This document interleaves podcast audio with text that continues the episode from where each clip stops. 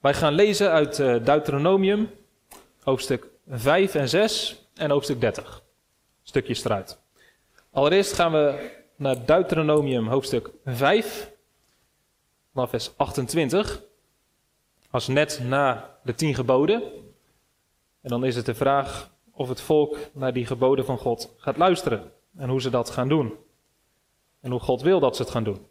En uh, nadat we Deuteronomium 5 vanaf vers 28 tot 6, vers 6 hebben gelezen, gaan we naar Deuteronomium 30, vers 1 tot en met 10.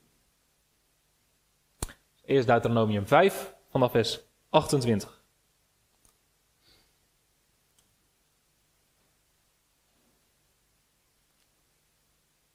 Toen de Heere uw woorden hoorde, toen u tot mij sprak, zei de Heere tegen mij: Ik heb de woorden van dit volk, die zij tot u gesproken hebben, gehoord. Alles wat zij gezegd hebben, is goed. Och, hadden zij maar zo'n hart om mij te vrezen en mijn geboden alle dagen in acht te nemen, opdat het hun en hun kinderen voor eeuwig goed zou gaan. Ga, zeg hun, keer terug naar uw tenten. Maar blijft u hier bij mij staan, dan zal ik tot u spreken alle geboden, verordeningen en bepalingen die u hun moet leren en die zij moeten doen in het land dat ik hun geven zal om het in bezit te nemen. U moet dus nauwlettend handelen zoals de Heer uw God u geboden heeft. Wijk niet af, naar rechts of naar links.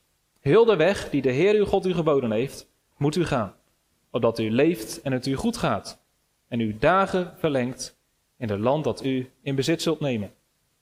Dit zijn de geboden, de verordeningen en de bepalingen die de Heere uw God geboden heeft u te leren, om ze te doen in het land waar u naartoe trekt om het in bezit te nemen. Opdat u de Heere uw God vreest, door al zijn verordeningen en zijn geboden die ik u gebied in acht te nemen. U, uw kind en uw kleinkind, alle dagen van uw leven. En opdat uw dagen verlengd worden. Luister dan Israël en neem ze nauwlettend in acht. Dan zal het u goed gaan en zult u zeer talrijk worden. Zoals de Heere, de God van uw vaderen, tot u gesproken heeft. In het land dat overvloeit van melk en honing. Luister Israël, de Heere, onze God, de Heere, is één. Daarom zult u de Heer uw God liefhebben met heel uw hart, met heel uw ziel en met heel uw kracht. Deze woorden die ik u heden gebied, moeten in uw hart zijn. Tot zover deze schriftlezing. En dan gaan we naar hoofdstuk 30. En daarvan lezen we vers 1 tot en met 10.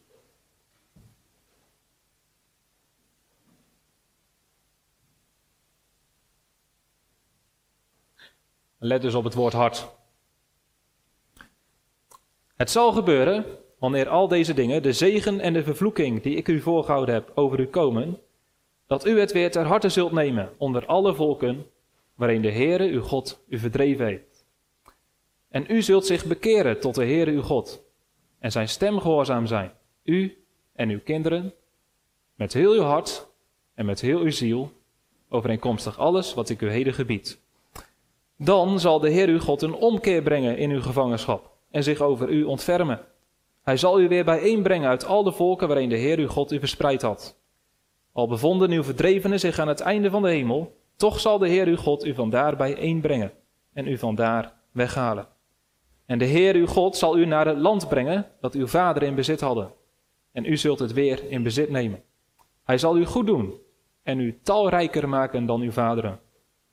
De Heere uw God zal uw hart en het hart van uw nageslacht besnijden, om de Heer uw God lief te hebben met heel uw hart en met heel uw ziel, zodat u leven zult. De Heer uw God zal al deze vervloekingen op uw vijanden leggen en op hen die u haten en die u vervolgd hebben. En u zult zich bekeren, de stem van de Heere gehoorzaam zijn en al zijn geboden die ik u heden gebied houden. De Heere uw God zal u overvloed geven in al het werk van uw handen in de vrucht van uw schoot, in de vrucht van uw vee en in de vrucht van uw land, ten goede. Want de Heere zal zich met zijn goede over u verblijden, zoals hij zich over uw vaderen verblijd heeft. Wanneer u de stem van de Heer uw God gehoorzaam bent, door zijn geboden en zijn verordeningen, die in dit wetboek geschreven zijn, in acht te nemen. Wanneer u zich bekeert tot de Heer uw God, met heel uw hart en met heel uw ziel. Zover onze schriftlezingen. Een nieuw hart klinkt misschien een beetje vaag en abstract. Ik gebruik daar vaak een voorbeeld voor. En daar ga ik nu mee beginnen.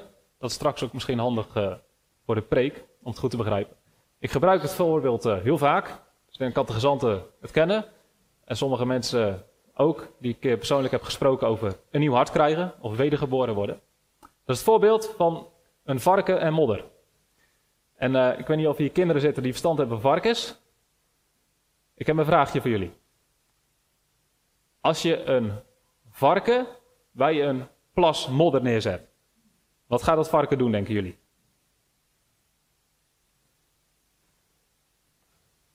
Wie weet dat? Wat doet een varken met een plas modder? Vindt hij dat leuk of vindt hij dat verschrikkelijk? Houdt een varken van modder? Goed zo, heel goed. Als je een varken bij een plas modder zet, dan gaat hij er lekker in rollen. Heerlijk vindt hij dat. Stel je nou voor dat die modder slecht is, giftig of zoiets. En dat je wil voorkomen dat het varken in een modder gaat rollen. Wat kun je dan doen? Hoe kun je voorkomen dat het varken in de modder gaat? Misschien kun je er een bordje bij zetten, verboden voor varkens. Gaat dat lukken? Gaat dat werken? Nee hè? Je kunt er ook een hek omheen zetten.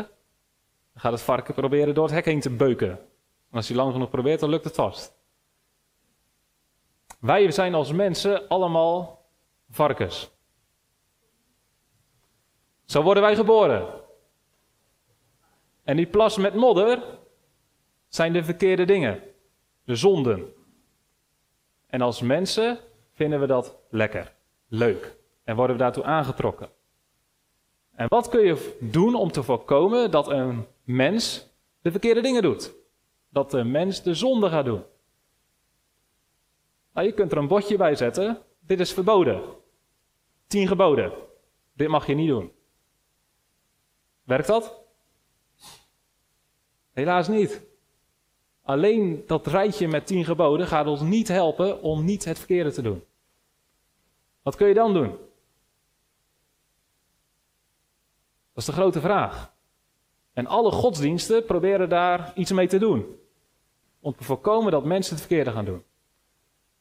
Maar de oplossing die het christelijk geloof heeft, is uniek. Die bestaat in geen andere godsdienst. En wie weet wat de oplossing is?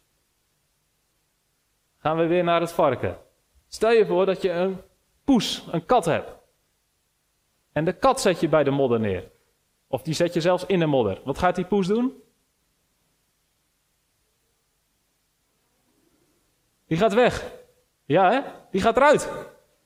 Dus die doet precies wat goed is. Die gaat niet in de modder, maar die heeft een hekel aan de modder. Die gaat eruit, die gaat zich schoonlikken. De echte oplossing, en dat klinkt een beetje gek, is dat dat varken verandert in een poes. En op het moment dat dat varken de aard of de natuur van een poes krijgt, is het probleem opgelost. Dan heeft hij geen zin meer in iemand. Wat wij als mensen nodig hebben, is dat we van varkens veranderen in poezen, katten. Ja?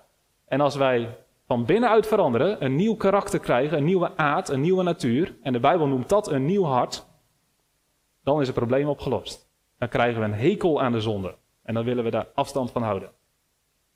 Ja? Eigenlijk is dit al uh, een mooie samenvatting in de preek.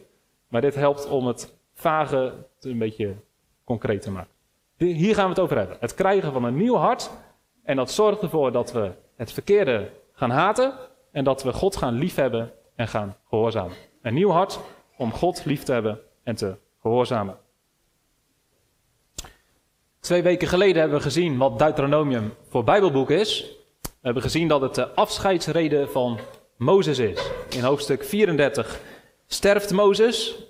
En in de hoofdstukken daarvoor worden de laatste woorden, een soort afscheidspreek van Mozes, weergegeven. De hoofdboodschap van Mozes hebben we ook duidelijk gekregen. Dat de bedoeling is dat elke nieuwe generatie Israëlieten opnieuw de keuze maakt om God van harte te dienen. Om Hem lief te hebben en het verbond trouw te blijven. En we hebben gezien dat geldt ook voor ons. Elke nieuwe generatie moet opnieuw leren wie God is. en moet op een gegeven moment zelf weer de keuze maken om God te blijven dienen. En wat is er voor nodig om die keus te kunnen maken? Om beleidenis te kunnen doen. En vooral om die keus waar te kunnen maken. Het is makkelijk om ja te zeggen. Het is iets anders om het ook werkelijk uit te leven. Om werkelijk trouw te zijn. In het samenkomen als gemeente. In het deelnemen aan de sacramenten. Om als christen heilig te leven in deze wereld. Wat is daarvoor nodig? Deuteronomium maakt al duidelijk. En dat is een bepaald hart. En uh, we hebben Deuteronomium 5, vers 29 gelezen. En er zegt God zelf: Och hadden zij maar zo'n hart om mij te vrezen en mijn geboden alle dagen in acht te nemen. Israëlieten hebben een bepaald soort hart nodig om God lief te kunnen hebben en Hem te kunnen gehoorzamen. Dus het bewaren van het verbond, je zou kunnen zeggen, de hele godsdienst, is niet alleen maar het naleven van een paar regels en wetten en normen en waarden. Het is veel meer en veel dieper. Uiteindelijk draait het in de godsdienst om ons hart. Het gaat om wat Deuteronomium 6 zegt, dat we de Heer, onze God, lief hebben met heel ons hart. En hij zegt in het vers daarna, deze woorden die ik u heden gebied, moeten in uw hart zijn. Ik weet niet of u Deuteronomium een beetje aan het doorlezen bent, maar uh, dan komt u heel vaak het hart tegen. Meer dan 50 keer wordt het woord hart genoemd in Deuteronomium. En dat maakt duidelijk dat de hele godsdienst draait niet om wat we uitwendig doen, maar vooral om wat er inwendig in ons hart leeft. In het Nederlands maken wij vaak een onderscheid tussen hoofd en hart. Dan zeggen we met het hoofd denk je en met het hart voel je. In de Bijbel is dat niet zo. Het hart, dat is eigenlijk alles. Dat is je denken, je willen, je verlangen en je voelen. Dus met het hart denk je. En met het hart voel je. En met het hart verlang je. Dus dat zit allemaal bij elkaar. Dus als we het over het hart hebben, dan gaat het om onze diepste overtuigingen. Dan gaat het om onze diepste verlangens. Ons hart bepaalt wat we wel of niet geloven. Waar we wel of geen zin in hebben. Welke keuze we wel of niet maken. Wat we wel of niet doen. Onze verlangens, onze dromen, onze ambities. De dingen die we bepalen welke keuzes we maken. Dat komt allemaal uit ons hart. Daarom zegt Spreuken 4: Bescherm je hart boven alles wat te behoeden is. Want daaruit zijn de uitingen van het leven. Je hart is de bron. En als je bron goed is, zuiver is, dan zijn je gedachten goed en zuiver. Dan zijn je verlangens goed en zuiver. Dan zijn je daden goed en zuiver. Maar als die bron verkeerd is, dan zijn je gedachten verkeerd. Dan zijn je verlangens verkeerd. En dan zijn ook je daden verkeerd. Jezus zei in de bergreden: Zo brengt iedere goede boom goede vruchten voort. En een slechte boom brengt slechte vruchten voort. Een goede boom kan geen slechte vruchten voorbrengen. En een slechte boom kan geen goede vruchten voorbrengen. Ja, dit snapt de fruitteler. Een appelboom gaat geen peren geven. En een perenboom geen appels. Als we verkeerde bomen zijn, gaan we geen goede vruchten brengen. Maar als we goede bomen zijn, dan brengen we goede vruchten voor. En nu is de vraag: wat zijn wij voor bomen? Wat voor hart hebben wij als mensen? Jezus, de grote hartenkenner, zei het volgende daarover in Marcus 7. Van binnenuit, uit het hart van de mensen, komen voort. Komt het? Kwade overwegingen. Alle overspel.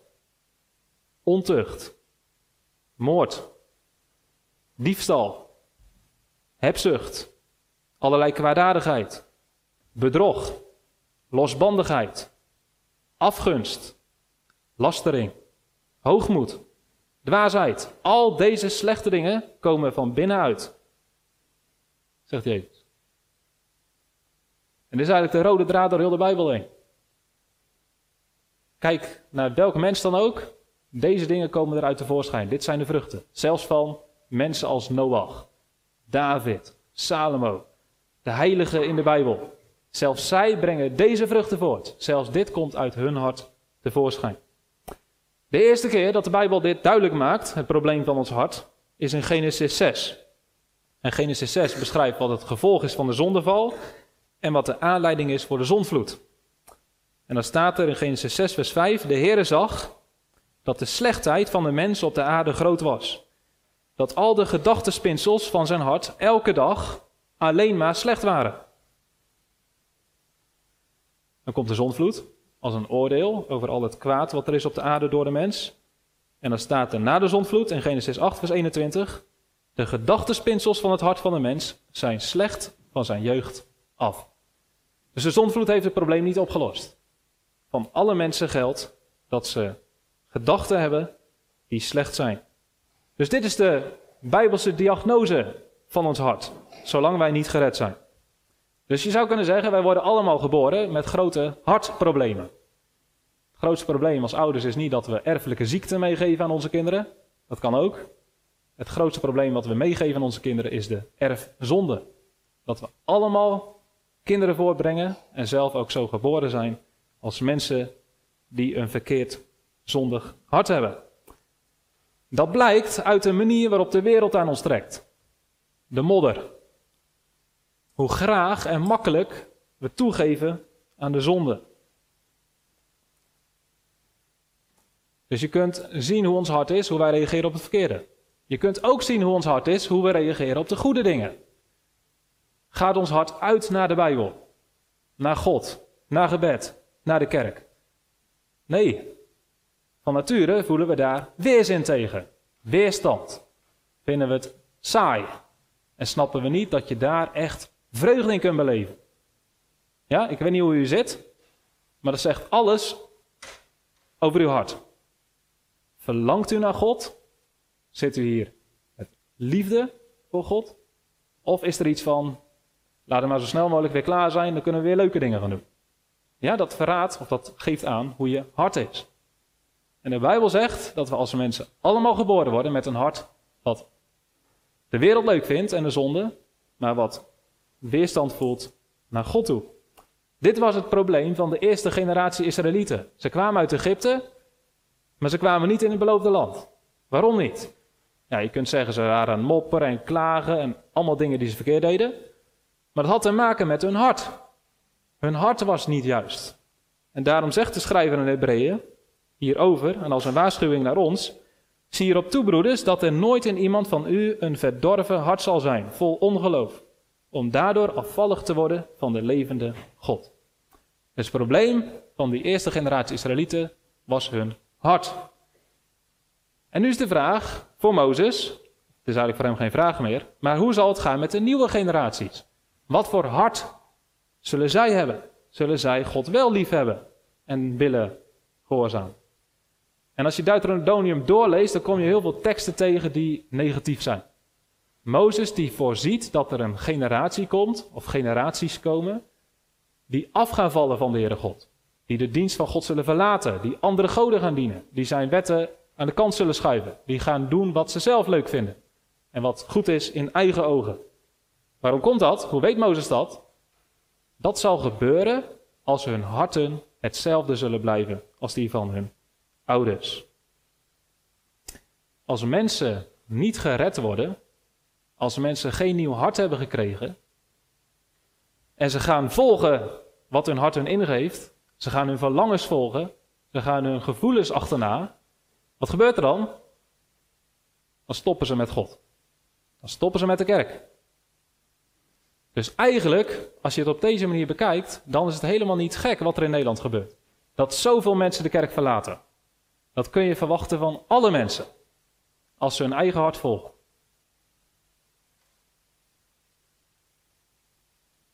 Het moet ons eerder verbazen dat er nog zoveel mensen wel naar de kerk gaan. Dat wij hier wel allemaal zitten. Dat wij niet ons hart, zoals we geboren zijn, navolgen. En hoe komt dat? De genade van God is dat. De Heilige Geest, die kan voorkomen dat mensen hun eigen hart gaan volgen. De Heilige Geest kan ervoor zorgen dat mensen gaan doen wat ze ten diepste zelf niet willen. De Heilige Geest kan ervoor zorgen dat mensen die geen zin hebben in het dienen van God, toch naar de kerk blijven gaan. En ook buiten de kerk werkt de Heilige Geest. En zorgt hij ervoor dat mensen zich niet helemaal overgeven aan het kwaad. Sterker nog, de Heilige Geest kan er zelfs voor zorgen dat mensen toch keurig kunnen leven. De Heilige Geest, door zijn genade, voorkomt dat we ons helemaal laten leiden door ons hart. En deze algemene genade wordt dat genoemd, is dienstbaar aan de bijzondere genade. En de bijzondere genade is dat God door zijn Heilige Geest en door zijn woord ons hart verandert. En daar gaan we nu over hebben. Ik heb het een hartoperatie genoemd. De oplossing voor het probleem. Dus het boek Deuteronomium maakt duidelijk waar het in de godsdienst om gaat. Het gaat om het hart. Het boek Deuteronomium maakt ook duidelijk waar het probleem zit van ons als mensen. Bij ons hart. We hebben niet het juiste hart van nature. Maar Deuteronomium maakt ook duidelijk wat de oplossing is voor het probleem. En dat hebben we gelezen in Deuteronomium 30. En daar hebben we gelezen in vers 6. De Heer uw God zal uw hart en het hart van uw nageslacht besnijden. Om de Heer uw God lief te hebben met heel uw hart en met heel uw ziel, zodat u leven zult. Nou, hier spreekt Ezekiel over de verre toekomst. Hij heeft gezegd, ook in de vorige hoofdstuk, er zal een tijd komen dat jullie zo ver van God zullen afvallen, dat jullie in ballingschap zullen gaan. Dat zal het oordeel zijn. Maar als jullie een tijdje in ballingschap zijn geweest, dan zal God weer aan jullie denken. Hij zal jullie terughalen uit ballingschap. En dan zal God ervoor gaan zorgen dat er niet een nieuwe afval gaat komen. Dan zal God jullie hart vernieuwen. Dan zal Hij jullie harten geven die Hem wel lief hebben. En die wel in staat zijn Hem te gehoorzamen. Het zijn met name de profeten Jeremia en Ezekiel die deze woorden weer toepassen op het volk, wat op dat moment in ballingschap zit. Jeremia en Ezekiel leven echt uh, nou ja, een paar honderd jaar later dan Mozes. En als hun leven zit het volk in ballingschap. En Jeremia en Ezekiel die kennen blijkbaar Deuteronomium 30. En zij zeggen, deze belofte die is voor nu. En deze belofte gaat God nu waarmaken. Hij zal jullie terughalen uit ballingschap en zal jullie een nieuw hart geven. Dus bijvoorbeeld Jeremia 24. Dan zegt God, ik zal mijn oog op hen gericht houden ten goede. Ik zal hen naar het land terugbrengen. Ik zal hen bouwen en niet afbreken. Ik zal hen planten en niet wegrukken. Ik zal hun een hart geven om mij te kennen, dat ik de Heer ben. En zij zullen mij tot een volk zijn, ik zal hun tot een God zijn. Want zij zullen zich tot mij bekeren met heel hun hart. Dat was Jeremia 24. In Jeremia 31 gaat het daar ook over. En daar staat dat het nieuwe hart hoort bij het nieuwe verbond. God zegt: Ik zal een verbond met hen sluiten na die dagen. En dat verbond zal zijn: Ik zal mijn wet in hun binnenste geven. En ik zal die in hun hart schrijven. Ik zal hun tot een God zijn. En ze zullen mij tot een volk zijn. En dit is voor ons belangrijk, want al deze beloften, die zijn gegeven aan Israël. Maar wij zijn niet Israël. Maar hier in Jeremia 31 wordt duidelijk dat deze belofte van het nieuwe hart hoort bij het nieuwe verbond. En volgende week hebben we hier avondmaal. En dan hebben we het over het bloed van de Heer Jezus. En Jezus zei toen hij het bloed, uh, de drinkbeker nam, wat zijn bloed symboliseerde, toen zei Jezus, deze drinkbeker is het nieuwe verbond in mijn bloed, dat voor u vergoten wordt. Dus toen Jezus stierf aan het kruis, is dat nieuwe verbond ingegaan. En iedereen die in Jezus gelooft, hoort bij het nieuwe verbond en krijgt de zegeningen van het nieuwe verbond. En dus ook een nieuw hart. En omdat het geloof in de Heer Jezus niet alleen voor de Israëlieten is, maar ook voor ons, kunnen wij ook een nieuwe verbond binnengaan. En kunnen wij ook de zegen krijgen van het nieuwe hart. Nog een belangrijke tekst uit Ezekiel 36. Daar wordt duidelijk dat dit werk van het krijgen van een nieuw hart alles te maken heeft met het werk van de Heilige Geest. Daar zegt Ezekiel: Ik zal rein water op u sprenkelen en u zult rein worden. Van al uw zonden zal ik u reinigen. Dan zal ik u een nieuw hart geven en een nieuwe geest in uw binnenste geven. Ik zal het hart van steen uit uw lichaam wegnemen en u een hart van vlees geven. Ik zal mijn geest in uw binnenste geven. Ik zal maken dat u in mijn verordeningen wandelt en dat u mijn bepalingen in acht neemt en ze houdt. In het Nieuwe Testament, we hebben nu altijd over een nieuw hart. In het Nieuwe Testament wordt hier vaak het woord wedergeboorte voor gebruikt. Dus Jezus die zegt tegen Nicodemus: Als je niet opnieuw geboren wordt, kun je het koninkrijk van God niet binnengaan. En Nicodemus zegt: Wat? Wedergeboorte? Waar heeft u het over? Wat is dat? Je kunt toch niet opnieuw geboren worden? En dan zegt Jezus: Zal je uitleggen. Opnieuw geboren worden, dat betekent dat je geboren wordt uit water en geest. Nou, als wij die uitleg zouden krijgen, zouden we zeggen: snappen nog steeds niks van. Maar Nicodemus was een fariseeër, die kende het Oude Testament goed. Dus die wist, die kon weten wat er in de Ezekiel 36 stond over water en geest en het krijgen van een nieuw hart. Dus Jezus maakt duidelijk, Nicodemus, wat jij nodig hebt is dat nieuwe hart waar Ezekiel 36 het over heeft. Het is mooi dat je een Jood bent, het is nog mooier dat je fariseeër bent, maar het is niet voldoende. Jouw hart moet vernieuwd worden. Je moet opnieuw geboren worden. Nou, en datzelfde is de boodschap van Jezus naar iedereen toe. Ook naar ons. We moeten opnieuw geboren worden. Het is nodig om een nieuw hart te krijgen. Ook al ben je gedoopt en mag je leven onder het genadeverbond. Want als we niet opnieuw geboren worden en we dat hart houden wat de zonde lief heeft, krijgen we nooit een hartelijk verlangen om voor God te leven. Dan krijgen we er nooit zin in om tot zijn eer te leven. Dan kunnen we ons nooit verblijden in een kerkdienst en in het lezen van de Bijbel of in het zingen voor God. Zolang we niet opnieuw geboren zijn, blijft de zonde en de wereld ons in zijn macht houden. We moeten dus opnieuw geboren worden. En de vraag is, hoe? Hoe kun je opnieuw geboren worden? Hoe kun je dat nieuwe hart krijgen? En de manier waarop ik het zeg is al passief. Geboren worden. Een nieuw hart krijgen. Het is niet iets wat we zelf kunnen. We kunnen onszelf niet opnieuw boren. Dat kan ik niet eens uitspreken. Je wordt geboren. Je kunt niet jezelf baren, opnieuw baren. We kunnen onszelf geen nieuw hart geven. We kunnen ons hart niet veranderen zelf. Dat moeten we krijgen. Het is een bovennatuurlijk werk van God. En dat is dus, wat Ezekiel heeft gezegd, het werk van de Heilige Geest. De Heilige Geest is degene, de enige, die ons hart kan vernieuwen, die ons opnieuw geboren kan laten worden. En hoe doet de Heilige Geest dat? Door het Evangelie. Door de Bijbel. Door het Woord van God. Dus Jacobus 1, vers 18 zegt: Overeenkomstig zijn wil heeft God ons gebaat door het woord van de waarheid. Dat is het Evangelie. 1 Petrus 1, vers 23. U die opnieuw geboren bent, niet uit vergankelijk, maar uit onvergankelijk zaad. Door het levende en eeuwig blijvende woord van God. Dus in de Bijbel, in het woord van God, zit een bovennatuurlijke kracht. Een kracht die we als mensen zelf niet hebben. De kracht om ons hart te veranderen, om ons hart te vernieuwen, om ons geestelijk wedergeboren te laten worden. Het is daarom ongelooflijk belangrijk om de Bijbel te lezen, om naar de kerk te gaan en naar preken te luisteren. En voor de mensen die niet gered zijn, is het ongelooflijk belangrijk dat er mensen zijn die hun het woord van God vertellen, het evangelie verkondigen. Dit is nodig. Dit is het middel wat de Heilige Geest gebruikt om mensen een nieuw hart te geven.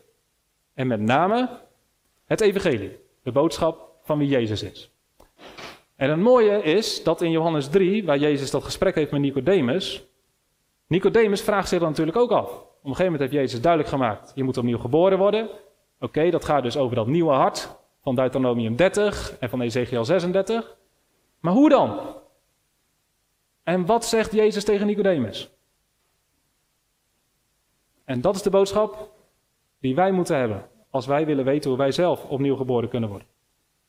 Jezus verkondigt aan Nicodemus het evangelie. En hij zegt, zo lief heeft God de wereld gehad, dat hij zijn enige geboren zoon gegeven heeft. Opdat iedereen die in hem gelooft, niet verloren gaat, maar eeuwig leven heeft. Deze boodschap moet je horen. Als je opnieuw geboren wil worden. Dat God in zijn grote liefde zijn zoon naar de aarde heeft gestuurd. Om ons het eeuwige leven te geven. En iedereen die in hem gelooft, krijgt dat eeuwige leven. Dus het geloof in de Heer Jezus zorgt ervoor dat we gered worden. En ook dat we dat nieuwe hart krijgen.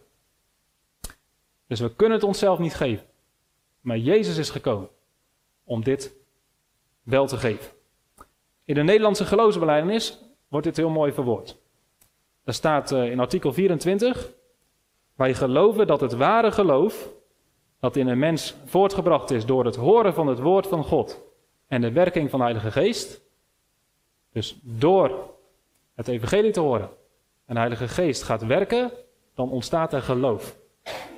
En wat is het gevolg van het geloof? Wij geloven dat dit ware geloof hem doet wedergeboren worden en tot een nieuwe mens maakt. Hem doet leven in een nieuw leven en bevrijdt van de slavernij van de zonde. Zo verander je van een kat in een varken. En andersom, van een varken in een kat. Dus als je als varken het evangelie hoort en de Heilige Geest die werkt in je hart het geloof. En je gelooft in de Heer Jezus. Je gaat op Hem vertrouwen. Je gaat bidden, Heer Jezus, red mij, wees mijn redder, wees mijn zaligmaker. Je zegt tegen Heer Jezus, ik wil U volgen. Johannes 1 zegt het heel mooi, zoveel Jezus hebben aangenomen, hun heeft Hij macht gegeven kinderen van God te worden. En als je een kind van God bent, dan ben je uit God geboren, opnieuw geboren. Heb je een nieuw hart gekregen. Dus geloof in de Heer Jezus en je zult deze zegen krijgen. En wat gebeurt er dan als je hart verandert? Dan ga je dus merken dat je anders gaat reageren op de modder, op de zonde. Dus je gaat in één keer een hekel krijgen aan dingen die je eerst leuk vond. Maar waarvan je weet uit de Bijbel dat het verkeerd is. Maar je had er geen zin in om naar te luisteren. Want je hart ging er naar uit.